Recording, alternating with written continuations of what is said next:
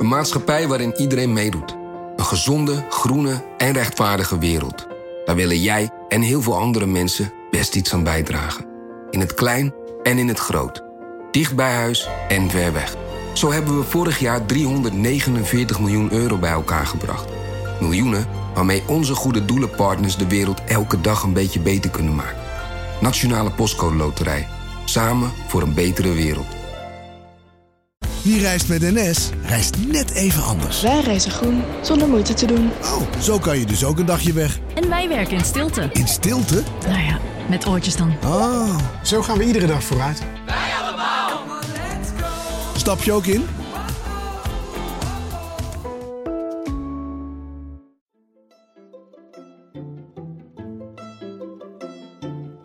Welkom. Wij zijn Onbehaarde Apen. Dit is een podcast van NRC over wetenschap. Het lijkt een beetje op risk. Ja, je, je hebt dus een, een soort wereldkaart. En dan moet je eh, van stad naar stad moet je toe om eh, ja, mensen te genezen. Oh ja, ik zie een blauw Er sterretje, een ja. geel vierkantje, een zwarte in- vijfhoek en een rood cirkeltje. Maar wat het leuke is van pandemie is dat je heel erg moet samenwerken met, eh, eh, met elkaar. En iedereen heeft dan een verschillende rol. Ja. Eh, dus je hebt hier de quarantaine-specialist. Oh, Die wil ik wel zijn. En de ja. epidemioloog. Die mag Sander. En de arts. en eh, eh, eh, de veldonderzoeker. En Mhm. eh, ik moest weer aan dit spel denken met, met al het nieuws van de afgelopen eh, eh, weken. Ehm, want er komt dan heel veel nieuws naar buiten met, met allemaal nieuwe, nieuwe inzichten in dat virus dat om zich heen grijpt. En waar komt het vandaan en hoe besmettelijk is het? Eh, en ik dacht eigenlijk eh, gaat het in de echte wereld net een beetje als in dit bordspel. Dat je al die verschillende rollen hebt. Ja. Eh, eh, met, met allemaal verschillende expertises. Iedereen heeft zo zijn eigen eh, eh, sterke punten. En iedereen probeert ja, een beetje grip te krijgen op zo'n nieuw virus dat opduikt en eh, dat mensen ziek maakt. Spelletjes zijn net het echte leven. Eh, en wat we vandaag gaan doen is eigenlijk net als in dat bordspel pandemie met al die verschillende rollen. Eh, we gaan kijken naar wat al die verschillende wetenschappers nou bijdragen aan het eh, begrijpen van eh, wat hier is gebeurd. En daarom ben jij aangeschoven, Sander Voormolen. Ja. Medisch redacteur. Jij hebt de afgelopen weken echt ja, een non-stop corona-nieuws tot je genomen. ja, elke dag was anders. dat kun Ja. je wel stellen. Ja. En je zat er al vanaf het be- begin was je al, al goed aan het opletten. Want ik, ik weet nog toen de, ja, de, de- de- de- het nieuws kwam net naar buiten dat er mogelijk een, een nieuw virus was. En eh, er waren toen, toen was er nog sprake van tientallen besmettingen.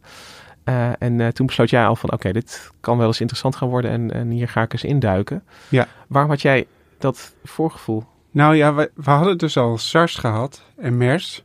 En dat moment dat ik dus besloot van hier moeten we iets mee, was eigenlijk het moment dat de Chinese onderzoekers zeiden van, nou het is geen SARS, het is geen MERS, maar het is geen griep, maar het is waarschijnlijk een ander coronavirus. En toen dacht ik, ja, dit is gewoon weer een, een eh, scenario dat zich gaat herhalen. Ja.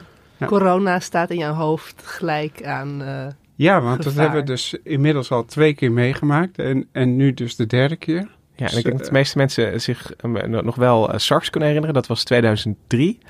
Ja. Eh, eh, toen ook in, eh, eh, in Azië, begonnen in China, Hongkong eigenlijk. Ja. En MERS is misschien wat minder bekend. MERS is eh, in, in de Arabische landen. En dat is een eh, virus dat eh, komt uit de dromedarissen. Nou, die zijn daar veel natuurlijk. dat is ook Middle East Respiratory Syndrome, toch? Ja, dat klopt. En ja, daar, die infecties die gebeuren nog steeds. Maar dat virus is iets milder. Dus dat gaat niet zo snel de wereld over. En uh, Gemma Venhuizen, jij bent ook uh, aangeschoven, biologie-redacteur. Ja, want ook de bioloog, nou die ontbreekt hier bij pandemie. Uh, we zouden de veldonderzoeker kunnen gebruiken als de bioloog. Maar ook, ook de biologie is belangrijk bij het, het uh, ontstaan of ja, bij, ook bij, uiteindelijk bij de verspreiding ja. van zo'n virus. Want Sander zei het al even, van, in het geval van MERS komt dat via dromedaarsen. Uh, maar het, het, overspringen van, van dieren op mensen is eigenlijk ook een terugkerend thema in ja. deze drie epidemieën die we hebben gezien. Ja. En dat had je nu natuurlijk aanvankelijk, hè Sander, jij schreef ook in je eerste stukken al meteen over de, de, de dierenmarkt in Wuhan, waar, waar het dan vandaan leek te komen. Ja. Dat was in het begin was dat uh, uh, het epicentrum van uh, de besmettingen die we zagen. Ja, daar waren in ieder geval veel patiënten die dus een, uh, een vreemde longziekte hadden. Die waren op die markt geweest. Dus dat was wel alarmerend, ja. En uh, je klinkt ook een beetje ziekig. We hoeven ons geen zorgen te maken, toch? Nee hoor, ik heb gisteren nog eventjes de website van het RIVM geraadpleegd. Ik ben momenteel wat aan het hoesten en proesten, maar uh, uh, er is vooralsnog niet, geen reden om aan te nemen dat ik zelf COVID-19 heb. Nee, hey, want uh, er is op dit moment wel een griepepidemie in uh, Nederland. Hè? Dus uh, ja. dat kan er ook mee te maken hebben dat je gewoon een, een griepje of een verkoudheid hebt. Ja, dus als je ja. je nu ziek voelt, luisteraar thuis, dan hoef je niet, ook niet gelijk je zorgen te maken. De griep heerst op dit moment ook. Ja, maar je zei het al, COVID-19, dat is misschien ook nog even iets goeds om aan te stippen voordat we echt gaan beginnen. Die naam, Sander. Ja, ja die we, naam. we hebben SARS, MERS COVID-19, dat voelt niet per se als een logisch trio. Nee, nee, dit is uh, een, een hele onderhandeling geweest. Je, je moet je voorstellen dat uh, het begon in Wuhan. Wij noemden het virus ook eerst het Wuhan coronavirus. Maar dat wordt al snel uh, een beetje stigmatiserend gevonden. Dus was de WHO op zoek naar een andere naam. Ja, want, want SARS was ook vrij anoniem. Dat was severe ja acute respiratory ja. syndrome. Ja, precies. Uh, maar vervolgens MERS was eigenlijk... Ja, dat is Middle East, maar dat was wel uh, afgestemd met de Middle East, zeg maar. Dus ja, daar, daar, was wel enige consensus over. Maar in dit geval duurde het toch veel te lang eigenlijk, waardoor iedereen al het over Wuhan coronavirus had of over China virus. En ja, dat is natuurlijk niet de bedoeling. Dus de WHO had, was hier eigenlijk te traag om... om de snelle ontwikkeling bij te houden. Ja, en ze hebben gekozen voor de naam uh, COVID-19 en dan staat CO voor coronavirus. Ja. En, ja, V ook, dus. Oh, ja, COVID. Ja. ja. En de D voor disease. Ja. En dan 19 voor het jaar waarin de uitbraak begon. Ja. Ja. En dat is een, een anonieme naam waar uh, in ieder geval geen associatie met een land is, waardoor er... Uh, nee, maar de Chinezen zijn het er eigenlijk nog steeds niet mee eens. Want de Chinezen hebben het over uh, novel coronavirus pneumonia. Dus... Dat is net een andere ja. benaming. Dus, dus dan benoemen ze die longontsteking eigenlijk ook ja, erbij precies, Ja, ja. ja. Maar dan blijft het probleem is dat je met dat novel coronavirus, dat je dat, uh, ja, voor, voor, ons is het heel erg logisch dat dit nu het nieuwste en laatste coronavirus is. Maar misschien is dit niet de laatste uitbraak en dan ja. ga je een nieuwer coronavirus Nou, en het natuurlijk. is zelfs nog erger geworden, want de, de virologen hebben ook een duit in het zakje gedaan. En die hebben gekeken naar de, naar de verwantschappen tussen virussen.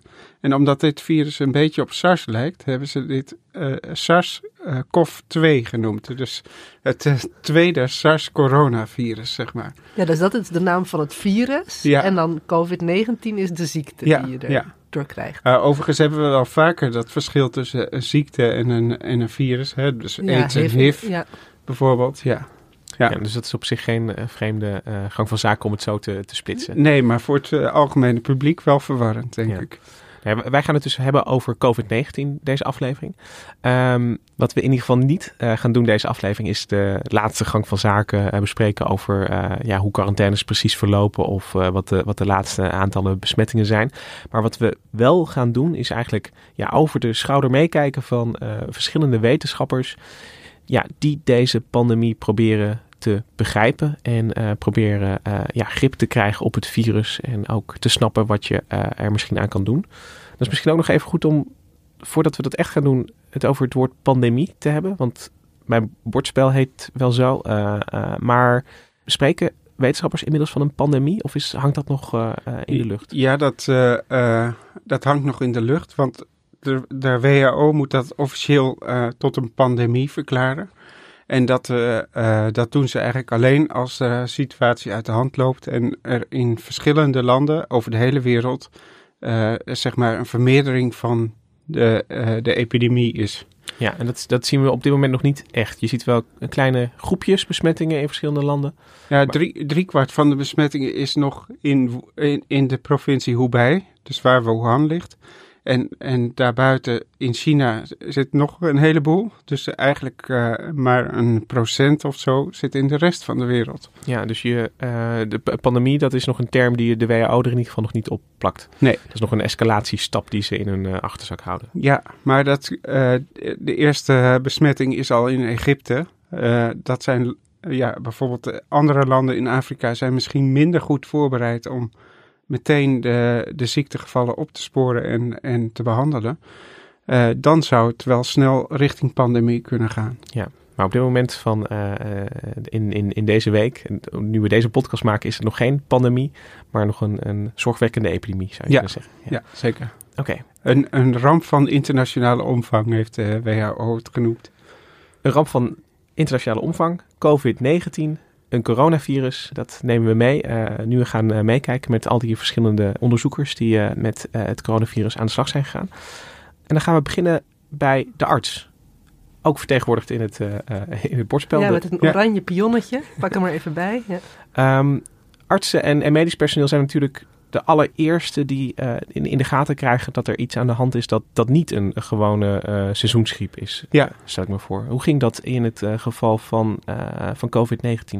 Nou, de, de patiënt, voor zover we nu weten, die de eerste verschijnselen kreeg, was op 1 december vorig jaar. En uh, nou ja, dat, dat ging nog wel goed. Die man uh, had niet een heel ernstige ziekte.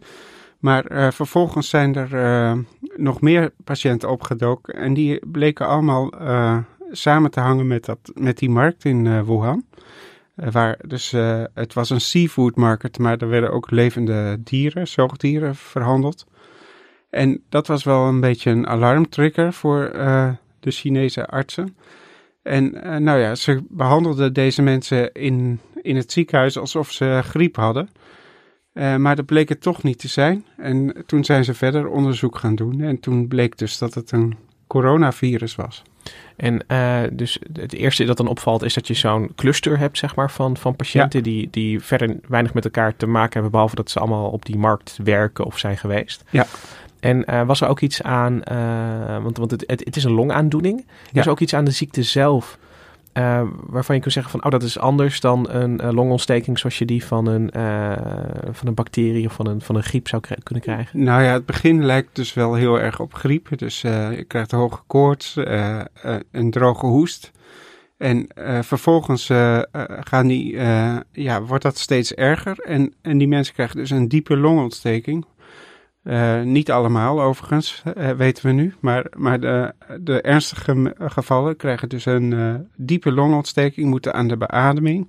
En gaan echt, ja, is, wordt, dan wordt het echt kritiek of ze het halen of niet. En wat is het verschil tussen een diepe en een oppervlakkige longontsteking? Nou ja, de diepe longontsteking is dus erger dan bronchitis. Bronchitis dan, dan uh, kun je nog zeg maar uh, uh, het slijm weghoesten. Maar met de, met de diepe longontsteking wordt dat heel lastig. En ja, gaat dus ook echt het longweefsel kapot. En um, in het begin is ook niet meteen duidelijk hoe gevaarlijk het is voor, voor verschillende mensen. Want, want het, niet iedereen die geïnfecteerd raakt met corona, die, die sterft of die eindigt op de intensive care. Dat, daar zit ook nog verschil tussen. Ja. Dus hoe snel ging dat? Dat, dat artsen daar een beetje gevoel voor, voor kregen? Nou, dat was, dat was ook eigenlijk begin januari. Toen uh, was er een groepje artsen in uh, Wuhan die, die onderling zich heel erg zorgen maakten. Die zagen dus de eerste patiënten in de intensive care binnenstromen. En ze moesten meteen aan SARS denken. En ze dachten, het gaat niet goed. Dus zij gingen elkaar een beetje waarschuwen in een privégesprek op Weibo. Dat is een soort WeChat op, op, in China. Nou ja, en vervolgens is daar de, de Chinese overheid achtergekomen. En die heeft die mensen op het matje geroepen van... jongens, we gaan geen paniek zaaien. Dus, dus die hebben in een privé WhatsApp-conversatie hebben die meegekeken en gezien van oh, er is onrust, dat moeten we de kop indrukken. Ja, ja. precies. Ja. En uh, heeft dat zeg maar het, het medisch begrip van uh, hoe deze ziekte zich ontwikkelt en hoe die eruit ziet vertraagd, denk jij? Ja, want pas later zijn er echt grote maatregelen genomen. Want toen werd Wuhan op slot gedaan, hè? 23 januari was dat geloof ik. En pas daarna is, zijn ze een groot ziekenhuis erbij gaan bouwen, een soort noodhospitaal, om, om die patiënten allemaal te kunnen opvangen. Ja. En als het gaat om de artsen, dan is het ook goed om te benadrukken dat van alle ja, onderzoekers, wetenschappers die erbij betrokken zijn, dat het medisch personeel dat zieke mensen moet verzorgen ook een groot risico loopt. Ja, ja, als je de beelden ziet, dan doet dat mij wel een beetje denken aan hoe dat ging bij ebola in Afrika. dus een, je hebt een, vrij besmettelijke ziekte. En die mensen moeten he hele lange dagen maken om al die patiënten te behandelen. Nou, dat is echt, uh, ik zag filmpjes van artsen die uh, met luiers rondliepen, want die willen dan niet uh, halverwege de dag zich moeten omkleden, weer alle desinfectie doen en dan weer verder. The doctors and nurses here have to wear two layers of protective suits, hand gloves, shoe covers, face masks and goggles before entering the special ward. 我的脸都破了，对啊，里面都是水泡。 The doctors and nurses here have to work six hours without rest. They can't drink, eat, or even use the toilet. En dit was een fragment uit een uh, reportage van de Chinese staatstelevisie. En dat is misschien ook wel goed om te zeggen, is dat het natuurlijk heel moeilijk is om een echt beeld vanuit de ziekenhuizen ja, te krijgen. We zien alleen nog natuurlijk wat de staatsmedia willen dat we. Er zijn geen uh, westerse zien. journalisten meer uh, in dat gebied. Nee, en er worden ook geen westerse artsen ingevlogen om, om nee, nee. te helpen. Nee. nee. Um, ja, dus die, dat, dat medisch personeel dat, dat loopt uh, zelf ook uh, risico. En dat, uh, dat blijkt toch ook. Er, er raken veel mensen besmet. Ja, de... Dus de, er was een rapport van de Chinese infectieziektedienst. En die hebben laten zien dat er tenminste 1700 artsen en verplegers besmet zijn geraakt in deze epidemie. Een van die slachtoffers een, was een, een oogarts in het ziekenhuis van Wuhan. die heette Li Wenliang. En uh, die, hij was een van die acht artsen die in het begin al waarschuwde van dit gaat fout. En uh, nou, hij werd dus bestraft in plaats van gehoord. En vervolgens werd hij zelf ziek en uh, is daaraan overleden op 7 februari. Ja, dus het laat ook maar des te meer zien. En hij groeide het ook uit als een soort ja, symbool voor de moeilijke omgang tussen uh, het, het, het, ja, het onderdrukken van, uh, van kritische geluiden en het, het, het, dan weer toelaten. Ja, ja want hij, later werd hij door de, door de grote viroloog in, in China, werd hij een held voor China genoemd, dat hij als eerste heeft gewaarschuwd. Dus dat tekent wel de omslag en dat het ineens wel serieus werd genomen. Ja. Um, de artsen die zijn dus ja, aan de ene kant heel erg bezig met uh, uh, de patiënten en het begrijpen van de ziekte. Hoe worden mensen hier ziek van? Um, en dan moeten we eigenlijk naar de volgende uh, beroepsgroep gaan, gaan, kijken. En dat zijn de genetici. Heb je die daartussen, Gemma? Ik zit even te kijken. Een wetenschapper algemeen. Ja, laten we die maar even inzetten. als, een wit als, pionnetje. Als, als geneticus. Ja, de genetici spelen hier echt een hoofdrol. Want uh, uh, op 12 uh, januari, vlak nadat de Chinezen hadden dus gezegd van het is een coronavirus, hebben ze dus inderdaad de genetische code van het virus ontcijferd. En die hebben ze meteen op internet gezet, zodat alle labs over de hele wereld ook die code hadden. En dat is heel belangrijk, want daarmee kun je dus een test maken waarmee je kunt testen of iemand besmet is of niet. Dat is een PCR-test, noemen ze dat. Is een genetische test. En die geeft dus heel precies aan met welk virus je te maken hebt. Dus dat is wat ze nu ook al op luchthavens, nou daar meten ze vooral temperatuur geloof ik. Ja, nou ja, ook niet overal. Want temperatuur is een beetje tricky. Want je kunt paracetamol slikken, waardoor je niet verhoging hebt. Of, of het virus kan asymptomatisch zijn, dus dat je geen symptomen hebt maar wel besmet bent. En dat, ja, je, je pikt er niet alle patiënten uit met... Uh... En, en die genetische test is eigenlijk de enige, uh, of tenminste een test waarvan je zeker weet dat je met, het, uh, met COVID-19 te maken hebt. Want, want die, een, een temperatuurtest, zoals, zoals Schema beschrijft, die is ja, A-specifiek. Dat kan ja. ook omdat we hier verkouden en griep hebben, kun, kun je daar, daar ook mee uitgepikt worden. Maar een genetische test is ook niet perfect, helaas. Want uh, veel hangt ook af uh, van hoe je het monster neemt. Hè? Dan gaan ze met een watstaafje in de keel van de patiënt. En dan moeten ze op een bepaalde manier schrapen om, om dus te kijken of daar virus in zit. Als je dat niet professioneel doet, dan kan je dus iets missen. de test zelf werkt denk ik wel goed. Maar uh, het kan ook zo zijn dat iemand uh, uh, nog virus in zijn lijf heeft, terwijl die al lang niet meer besmettelijk is. Dus dan krijg je dus weer een positieve uitslag die niet terecht is. En het belangrijke daarbij, Sander, is dat je dus die sequentie bepaalt van het virus. Wat, wat is dat precies? Nou, zo'n virus bestaat, heeft een, een erfelijk materiaal dat bestaat uit RNA. En daar zitten 30.000 letters in, zo ongeveer. En daaraan kun je precies zien van uh, wat er allemaal in zit en hoe dat virus is geëvolueerd. En uh, nou ja, dat, dat is dus uh, helemaal opgehelderd. En het, het mooie is eigenlijk ook dat ze daarmee ook kunnen vergelijken waar het virus vandaan komt. En dat hebben ze dus weer ook weer gedaan met een, met een database waarin ze al virussen hadden verzameld van vleermuizen. En dat leverde een match op. En daar komt die naam uh, SARS-CoV-2 ook uiteindelijk vandaan. Dat, is, dat ze zien dat het uh, aan het eerdere SARS-virus verwant is eigenlijk. Ja. ja, het is niet heel sterk verwant aan het SARS-virus. Het is ongeveer 70% Maar uh, ja, dat, dat is toch wel in dezelfde stam, zeg maar. Of in dezelfde lijn. Ja. ja. Maar um, voordat we naar die biologie gaan, want ik hoor al vleermuizen, dus ik ben meteen enthousiast. Maar um, vroeg ik me nog af, hè, want we hebben het wel uh, in de kranten las je ook over superverspreiders. Over, er was ergens een, een, Britse man die had op heel veel plekken mensen verspreid. En dan konden ze dus ook herleiden dat dat uh, virus van hem afkomst, afkomstig was. Had het ook iets weer met ja ja, veranderingen daarin in die genetische ja, je moet je voorstellen dat dat een soort vingerafdruk is, ook die virussen. Dus je kunt precies volgen van wie wie heeft besmet.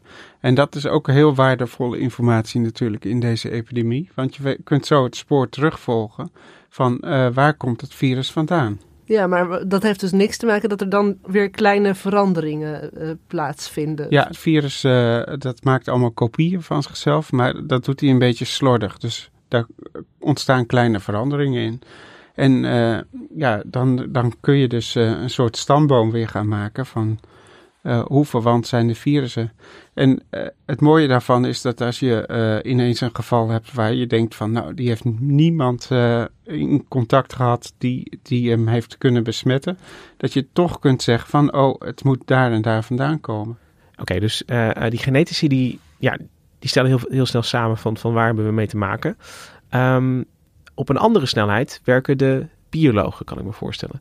Um, jij gaf al aanstander, de, het, het, het, eerste cluster zit rondom een dierenmarkt. Uh, dus je moet ook naar uh, uh, dieren gaan kijken als je wil weten waar dit virus precies vandaan komt. Ja, dat hebben ze natuurlijk ook gedaan. Ze hebben de, de markt gesloten op 1 januari. Uh, en vervolgens uh, alles uh, gesampled wat daar was. Maar helaas hebben ze niet de, de culprit of de, het brondier kunnen vinden waar, waar dit virus uit moet zijn gekomen. Ja, zoals jij net bij MERS noemde je al de dromedaris. Ja. En bij SARS was het destijds was het de witsnuitpalmroller. Ja, inderdaad. Een, wat is dat een civetkat, toch? Ja, het was een civetkat. En de civetkatten, dat zijn? Ja, dat zijn uh, roofdieren. Uh, ongeveer zo groot, ja, een beetje tussen een kat en een hond in. Ja, en je schijnt ook um, uh, van hun poep schijn je hele dure, lekkere koffie te kunnen drinken. dus jij, liever dan ik. Dan. Ja, maar, maar goed, dus, dus ofwel via die koffie of via het vlees kan het natuurlijk destijds verspreid zijn.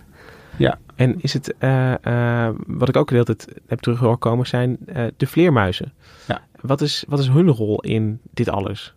Vleermuizen zijn de natuurlijke gastheren voor coronavirussen.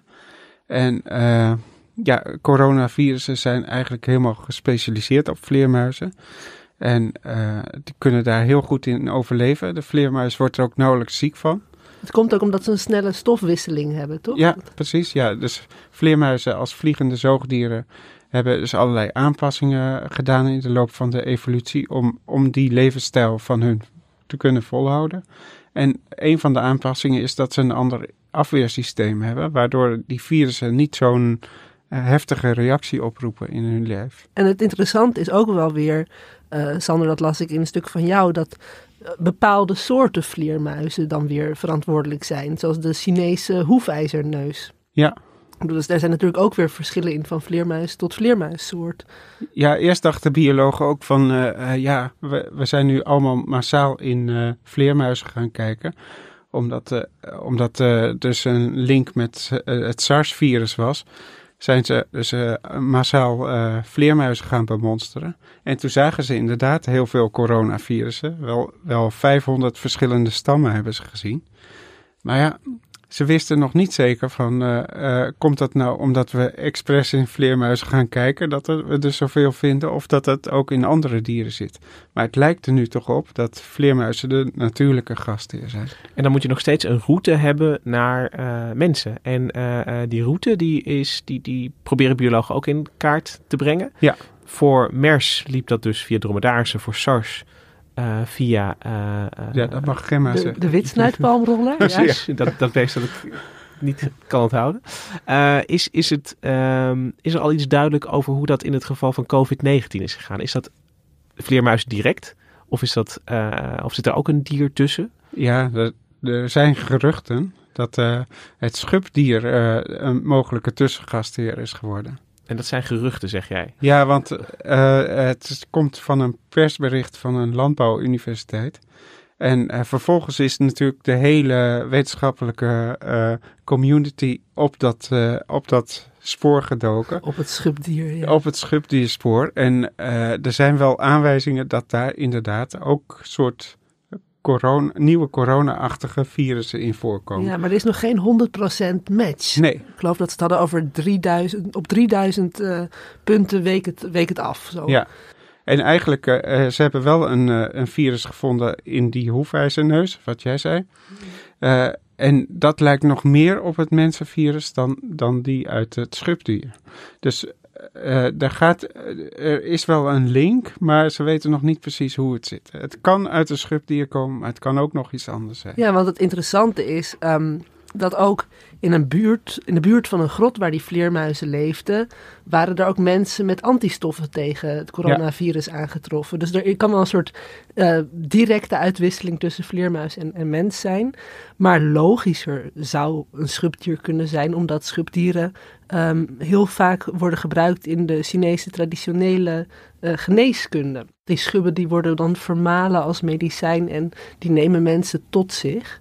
Die worden ook uh, wel bejaagd, dus die schubdiertjes. Ja, nou, er, zijn, er zijn acht verschillende soorten. Uh, zowel in Afrika als in Azië komen er soorten voor. Maar er vindt heel veel illegale handel van die verschillende soorten plaats. Dus ik heb ook gekeken welk van die acht soorten dan de hoofdverdachte zou zijn. Maar dat is nog niet eens duidelijk. Nee. Er wordt de hele tijd over het schubdier gesproken.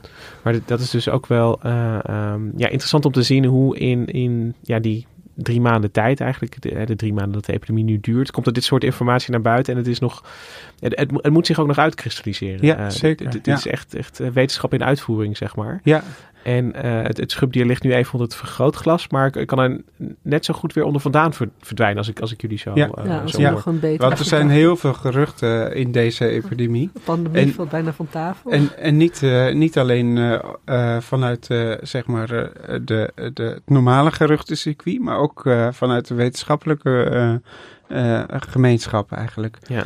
Want, want die publiceren dan allemaal papers op internet die nog niet gereviewd zijn. En uh, ja, sommige zijn echt niet meer dan, dan zeg maar een theorie. En dat is misschien nergens op gebaseerd. Maar wat wel interessant is, wil ik vanuit de biologen nog even zeggen, is dat door zo'n virus krijg je ook weer meer inzicht in de dieren die je onderzoekt. Want wat ik zelf ook leuk of interessant vond, was dat, dat uh, vleermuizen bijvoorbeeld meer um, van het, uh, meer van het virus kunnen verspreiden als ze gestrest zijn. Ja, precies. En ja. dat ze dan uh, bijvoorbeeld als ze uit hun winterslaap, uh, of überhaupt uit hun slaap, gestoord worden. En dan denk ik, ja, je krijgt er ook inzicht mee in die dieren. Ja, voor een hoge prijs. Ja, dat ook en, en doordat mensen dus uh, steeds verder doordringen in het leefgebied van die vleermuizen. Ja. Nou ja, en dat is nog wel een ongemakkelijke uh, achtergrond waartegen dit zich alles afspeelt. Is, is dat uh, zeg maar het hele intensieve contact van... het zijn die oversprongen...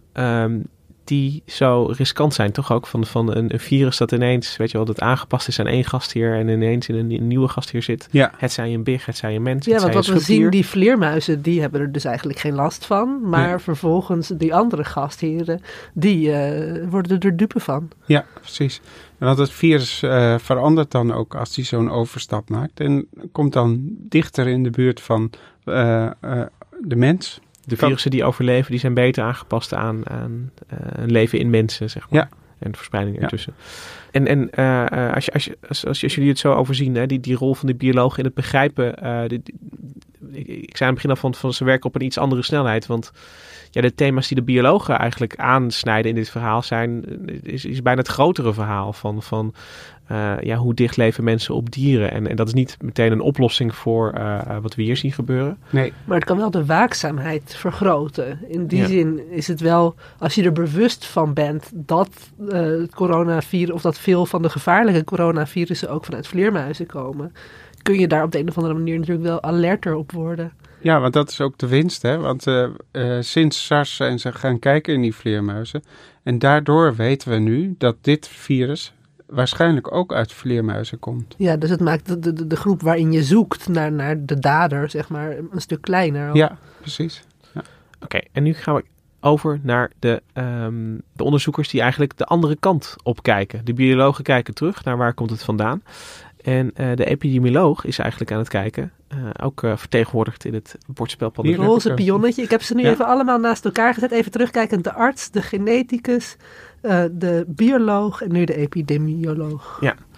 En eh, ik, ik onthoud altijd voor mezelf epidemioloog, er zitten heel veel klinkers in, maar je moet eigenlijk altijd voor jezelf eerst epidemie zeggen, dat lukt dan nog wel. En dan Ja, moet je die i vervangen, of dan moet je oloog gewoon achteraan Ja. zetten. En dan lukt het om het uit te spreken. Ja. Epidemioloog. Ehm, maar Sander, de, de, eh, ik zeg al, de, de, de epidemiologen eh, die, die volgen de epidemie. Zo, zo Ja. stel ik het me voor. Is dat, is dat gewoon de samenvatting van hun rol hierin? ja, ja, zeker.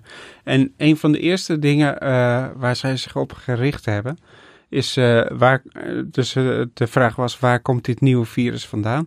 En toen was de vraag van, kan dit virus van mens op mens over, overgaan? En dat bleek dus het geval. En dat is dus eh, een heel gevaarlijk scenario, want dan kan het een epidemie worden. Dan heb je niet één bron, maar dan heb je een verspreide bron. Mensen gaan reizen, gaan ergens anders naartoe en het virus reist mee. En dan kom je dus aan, aan, het, eh, aan het punt dat je wil weten van hoe snel gaat dat dan? Ja. En daar hebben ze een getal voor, van eh, als één patiënt ergens komt, hoeveel anderen besmet hij dan? En dat, is- dat heet het R-0-getal. En dat eh, is altijd eh, heel belangrijk om te weten van hoe gevaarlijk het eigenlijk is. Ar, Not, R0. oké. En eh, dat eh, eh, getal geeft dan aan hoeveel, hoe, hoe besmettelijk het is. Moet ik het zo zien? Ja, R, R0 is dus eigenlijk heel simpel uitgelegd een, een getal van eh, eh, één patiënt komt ergens en hoeveel anderen besmet hij. Als, het, als de R0 12 is, dan besmet hij 12 andere personen. Dan heb je echt met een aanwakkerend vuur te maken. Gewoon van een soort Ja. cascade van, van infecties. Ja. En is zo'n, ehm, je bent al snel geneigd te denken dat, dat zo'n R-getal, dat dat een soort eigenschap van het virus is. Weet je wel, van het, eh, het ene virus is eh, beter in het infecteren, in het reizen door hoestdruppeltjes dan het andere virus. Ja. Eh, Dat klopt. Maar Ja. er zijn meer dingen die dat bepalen. Eh, bijvoorbeeld of je eh, inderdaad dus eh, mensen in quarantaine plaatst. Dat zal het, eh, het R0-getal wel flink naar beneden laten gaan. ja, dus het is, dat is ook wel goed om te benadrukken. Het is dus geen vaststaand getal waar, waar je niks meer aan kunt Nee. doen. Maar je kunt het proberen naar beneden te trekken, zeg maar. Ja. Nee, want tegenover die mensen in quarantaine kunnen er ook een paar superbesmetters, mensen die nog niet weten dat ze ziek zijn en misschien de hele wereld over reizen en met veel mensen in contact komen. Je ziet nu in Wuhan is het getal veel hoger dan in de provincie Hubei. En buiten de provincie Hubei is het ook weer lager. En in de rest van de wereld, buiten China, is het ook lager. En dat komt natuurlijk omdat er eh, verschillende omstandigheden zijn. Hoe meer patiënten je hebt, hoe sneller het virus zich kan verspreiden.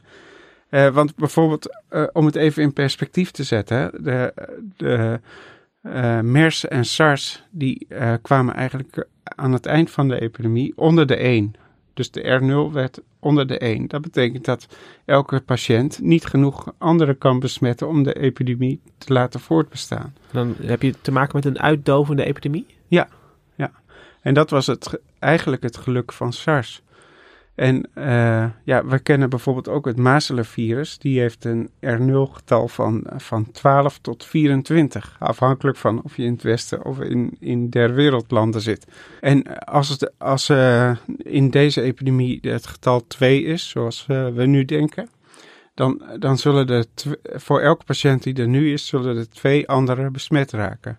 Daar moet je natuurlijk wel iets aan doen om dat getal naar beneden te krijgen. Als dat lukt om dat getal onder de 1 te krijgen, dan zal deze epidemie uitdoven. En dat is het doel van alle inspanningen nu. Ja, en dan zijn het ook de epidemiologen die dus de beslissingen over quarantaines bijvoorbeeld uh, begeleiden of, of daarin ja, adviseren. Zeker. Van, van hoe kun je nou zorgen dat die verspreiding ja. uh, een halt wordt toegeroepen. Ja, en de Chinezen hebben het nou, ontzettend rigoureus aangepakt door, door dus uh, heel Wuhan op slot te zetten. Uh, dat was ook in de aanloop naar het Chinese nieuwjaar, dus uh, waarop veel mensen gaan reizen en die kwamen voor een groot deel door Wuhan. Dus dat wilden ze voorkomen. Maar zo'n quarantaine op deze schaal, dat hebben we nog nooit in de wereld gezien. We kunnen even luisteren naar een, ooggetuige die daar zit, een Ier, uh, Ben Kavanaugh, die verschillende YouTube-filmpjes plaatste over het leven in Wuhan onder quarantaine. Another beautiful day in quarantine Wuhan. This is a city with a population bigger than London. This is usually a very busy street. All these shops would be open. Lots of noise. Surrounded by apartments. And yet, there's no one on the street. It's so quiet. Het is, het, het, is een scène uit een, uit een boek of uit een film, als je, het, uh, als ja. je bij stilstaat. Ja. miljoenenstad die stil ligt, die leeg ja. is. Ja. Oké, okay, je hebt de, dus de, uh, de epidemioloog die probeert zeg maar de, de, de, de epidemie te dempen. Maar je hebt ook nog mensen die uh, hun best doen om medicijnen of vaccins te ontwikkelen. Dan zijn we aangekomen bij de virologen, zal ik ze maar even noemen. De, de kenners van ja, cellen en virussen en, en hoe die mee met elkaar omgaan en hoe ze elkaar besmetten. Um, wat gebeurt er op dat front, Sander? Nou, er is eigenlijk, uh, we hebben geen uh, medicijnen klaar liggen voor deze specifieke ziekte. Dus dat is eigenlijk wel he heel lastig. Want ja, het liefst zou je natuurlijk een vaccin hebben waarmee je iedereen kunt immuniseren voordat het virus eraan komt. Maar dat is er niet. Hebben... Het is ook niet dat je zegt van, oh, we hebben nog een vaccin liggen van SARS. En het, het leek er tenslotte zo op, dus we ja. knutselen wat. Ja, maar uh, SARS was eigenlijk heel snel voor, voorbij. En dus die vaccins zijn wel ontwikkeld, maar die zijn eigenlijk niet verder gekomen dan het stadium van proefdieronderzoek. En bovendien weet je helemaal niet of dit vaccin tegen SARS ook zal werken tegen het nieuwe virus. Ze lijken wel een beetje op elkaar, die virussen. Maar dat zal eerst opnieuw getest moeten worden. Ja, wat, wat misschien nog wel interessant is, hè, we hebben het steeds over coronavirussen. Maar we zeggen ze lijken op elkaar. Maar dat komt omdat de buitenkant van de virussen, die hebben een soort kroontjes op zich. Ja. Die, die corona's. En, ja. en, en daarin lijken ze op elkaar. Alleen ze hebben allebei net iets ander kroontje. Moet ik het zo voor me zien? Ja, ja want het, het gaat eigenlijk om de buitenkant van het virus. Dat is een herkenningspunt voor het afweersysteem. En uh, een vaccin werkt zo dat je dan dus uh, de afweer oproept tegen de kenmerken van, van de buitenkant van het virus. En als dat net iets anders is bij de ene stam of de andere, dan kan het uh, vaccin niet werken. Dus je hebt, we zitten nu in de situatie dat er dus wel SARS-vaccins ja, zijn gemaakt en, en voorzichtig getest. Maar dat is niet iets wat je nu van de plank kan halen en kan gaan gebruiken nee, in nee. het veld. Nee, wat ze wel doen is uh, uh, proberen patiënten met virusremmers te helpen. En uh, ja, dat, dat zijn bijvoorbeeld anti-HIV-middelen. Die proberen ze maar. Je weet nooit of het kan helpen. Hoe maar, werkt dat dan? Nou, de, die, die zorgen ervoor dat zo'n RNA-virus, HIV is ook een RNA-virus, dat die zich niet kan vermeerderen of geen eiwitten kan opbouwen. En op die manier kun je dus uh, een spaak in het wiel steken. Ja, dan probeer je diep in te grijpen in uh, de biologie van zo'n virus eigenlijk. Ja. Je, je, probeert hem stil te leggen.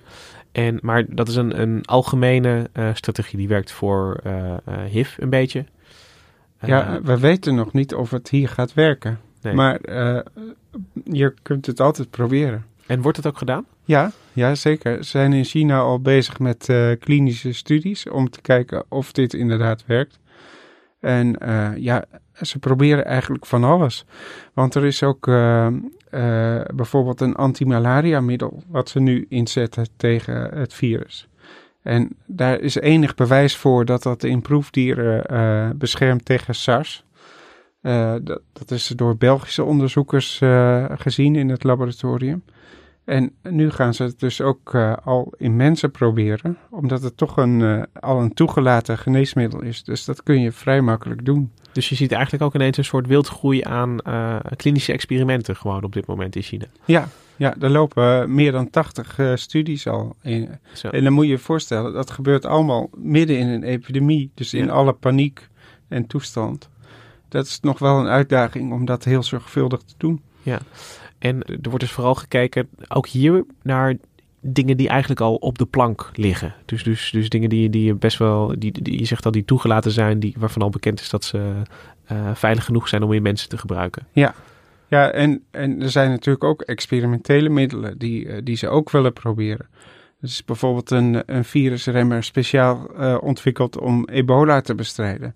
Dat deed hij niet zo heel goed.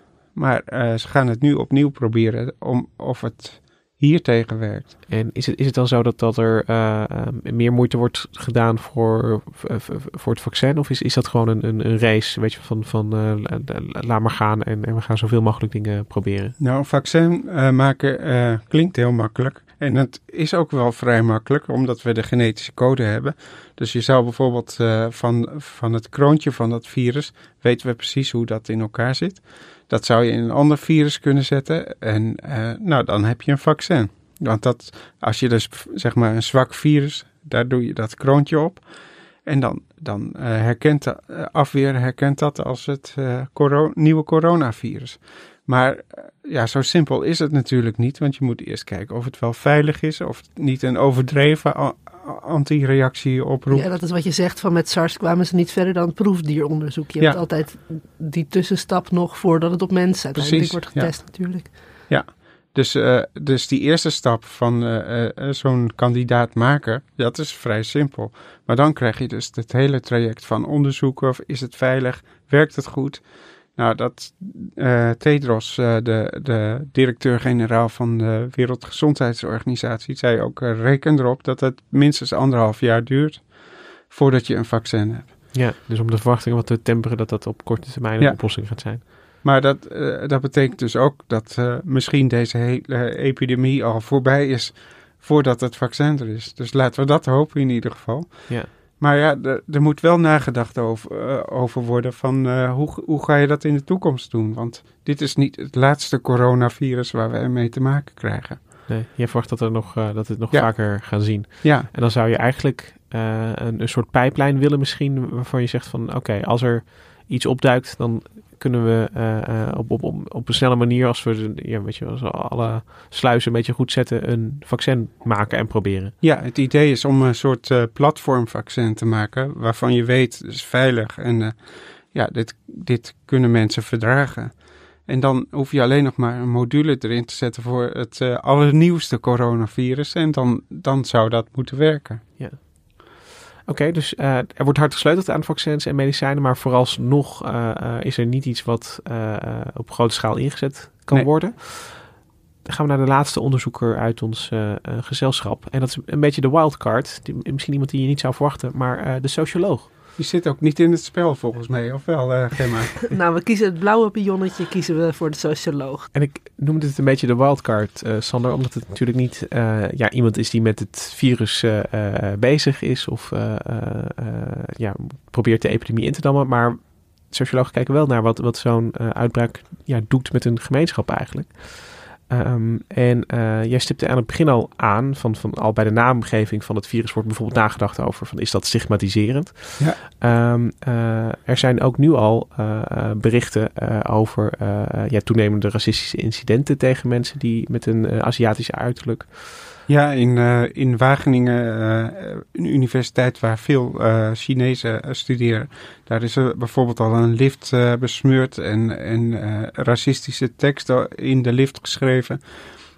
omdat iedereen denkt van ja, dat virus komt uit Chinezen. Maar ja, er is geen enkele aanwijzing voor. Dat virus komt gewoon in mensen. En toevallig is het in China uitgebroken, maar iedereen op deze aarde kan het verspreiden. Ja, het is wat je eerder al zei. Van, hè, overal waar mensen ook maar enigszins in contact staan met uh, vleermuizen, al dan niet indirect, ja. zou het kunnen gebeuren. Ja, precies. Ik ben wel benieuwd, omdat we in 2003 ook al een uh, uitbraak uh, hebben gehad die zich zeg maar vanuit Azië uh, verspreidde over naar Hongkong en andere plekken.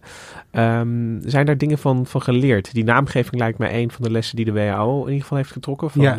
We gaan niet, geen virussen niet meer noemen naar landen. Nou, niet alleen niet naar landen, maar ook niet naar een, een, bevolkingsgroep of niet naar een dier.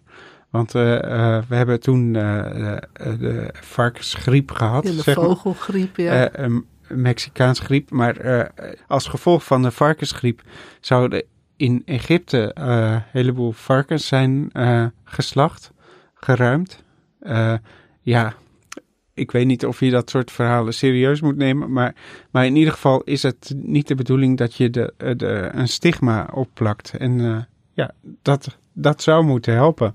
Een, een andere dimensie die uh, uh, sociologisch nog wel interessant is en die je al eerder uh, wel aanstipte, Sander, is dat er zoveel, en daar zou je dat racisme ook onder kunnen scharen, maar er is ook heel veel ruis. The coronavirus is not just making people sick, it's also making people stupid. And the misinformation going around online is even more viral than the disease. With coronavirus spreading rapidly around China and parts of the world, social media companies are now faced with another problem misinformation. Fake alerts suggesting that Chinese Red Bull, fortune cookies, or Meagering noodles could give you coronavirus. All of those fake. One false claim said that drinking bleach could cure the virus. Eating garlic, rinsing your nose with saline, or putting on uh, sesame oil help prevent the virus. We hoorden hier een stukje uit de Daily Show met uh, Ronnie Chang. En uh, uh, ik denk dat je hier ook wel ziet dat het racisme maakt onderdeel uit van die ruis. Dat ineens Chinese restaurants bijvoorbeeld verdacht worden gemaakt. Ja. er is ook op het medische front gewoon, um, ja, hoe kun je jezelf beschermen tegen het virus? Is er desinformatie? Dat is haast een soort bijgeloof. Zo van, hè, als je knoflook onder je neus wrijft, dan krijg je het niet. Hoe, hoe ga jij daarmee om als uh, journalist, uh, Ja, uh, je moet wel op zoek gaan naar de betrouwbare bronnen natuurlijk. er is heel veel nepnieuws en je moet er erg mee oppassen. Want er, ja, het is soms verleidelijk om, om daar wel in mee te gaan. Als er bijvoorbeeld, er was een, een onderzoek van Indiase onderzoekers. die, die zeiden van, ja, er zitten stukjes van het HIV-virus in, in dit nieuwe coronavirus. Uh, nou, dat, uh, daarvan dacht ik al van nou, eerst maar eens kijken. En het bleek dus inderdaad niet waar. Ze, uh, ze hebben gewoon een sequentie wel aangetroffen, maar die zit overal in. Dus het was helemaal niet specifiek voor het AIDS-virus. Dat was de verkeerde conclusie. Ja, het was de verkeerde conclusie. En ja, het gevaar is dat dit soort nieuws heel snel gaat. En dat het ook herhaald blijft worden, ook al is het niet waar. Ja. Dat is, uh, dat is wel heel schadelijk, denk ik. Het, het uh, Virologisch Instituut dat in Wuhan zit, wordt ook voortdurend uh, verdacht gemaakt. Ja. Alsof, alsof die een, een soort rol hierin zouden hebben. Ja. Experimenteren op, op mensen. Ja, want dat zo. zijn de, de complottheorieën. Het, het, zou een biologisch wapen zijn dat ontsnapt is uit het laboratorium of opzettelijk verspreid. Ja, Sanne, jij, jij zit natuurlijk al dat corona-nieuws te volgen. Um, hoe ga jij dan om met die, ja, die, die, die berichten of die artikelen waarvan je zegt, ja, dit is echt evident uh, uh, onzin.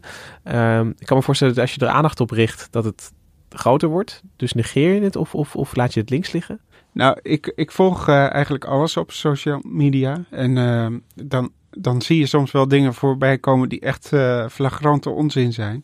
Maar toch is het belangrijk om dat wel te weten. En je weet, uh, uh, zo na, na, na zes weken uh, dit volgen, weet ik wel waar ik de onzin kan verwachten en waar ik de echte informatie kan halen. En zo kun je toch een beetje wegen van wat er leeft. Zullen we aan ons pandemie-team van zes superhelden dan ook nog het zevende poppetje van de wetenschapsjournalist uh, toevoegen? Oh, ja, dat, uh, ja, en dan is het team compleet. Ja, even ja. kijken. Ik zet ze naast elkaar. De arts, de geneticus, de bioloog, de, even kijken, epidemie, ep, nou kan ik het toch nog niet, epidemioloog, ja. ja. de viroloog, de socioloog en dan toch ook uh, Sander, even als poppetje nummer 7. Lucas, wat gaan we nu doen? Hoe gaan we nu... Ik wil Sander spelen in, in deze rol en ik, uh, begin, uh, je begint elke, elk potje pandemie begint in Atlanta, want daar zit het CDC. stigmatiserend. Ja, ja maar, ja, maar daar begint het team en de uitbraak kan dan overal zijn. Oké, okay, als jij de pionnen klaarzet, dan, uh, dan sluit ik de podcast uh, even af. Wij gaan hier nog verder spelen. Sander en Gemma, bedankt dat jullie ons bij wilden praten over het nieuwe coronavirus. Misha Melita, bedankt voor de productie van deze aflevering. Um, de tune die je hoort, die is van het Dudok Quartet in Amsterdam. Wij zijn er volgende week weer. Tot dan!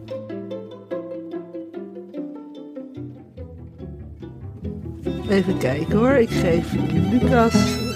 Hoeveel kaarten krijgen we? Vijf? Ik ben de epidemioloog. Zo. ja, en Lucas is Sander. Nou, dan ben ik de bioloog. Moet het fiche op het oh, mutaties hebben Oh ook nee, nog. maar ik heb Trek al... een besmettingskaart van de onderkant er zijn nog van veel de meer stapel en leg een rollen. paars blokje. Hier. De troubleshooter, die hebben we helemaal niet gehad. Nee, het is nog veel ingewikkelder dan je denkt.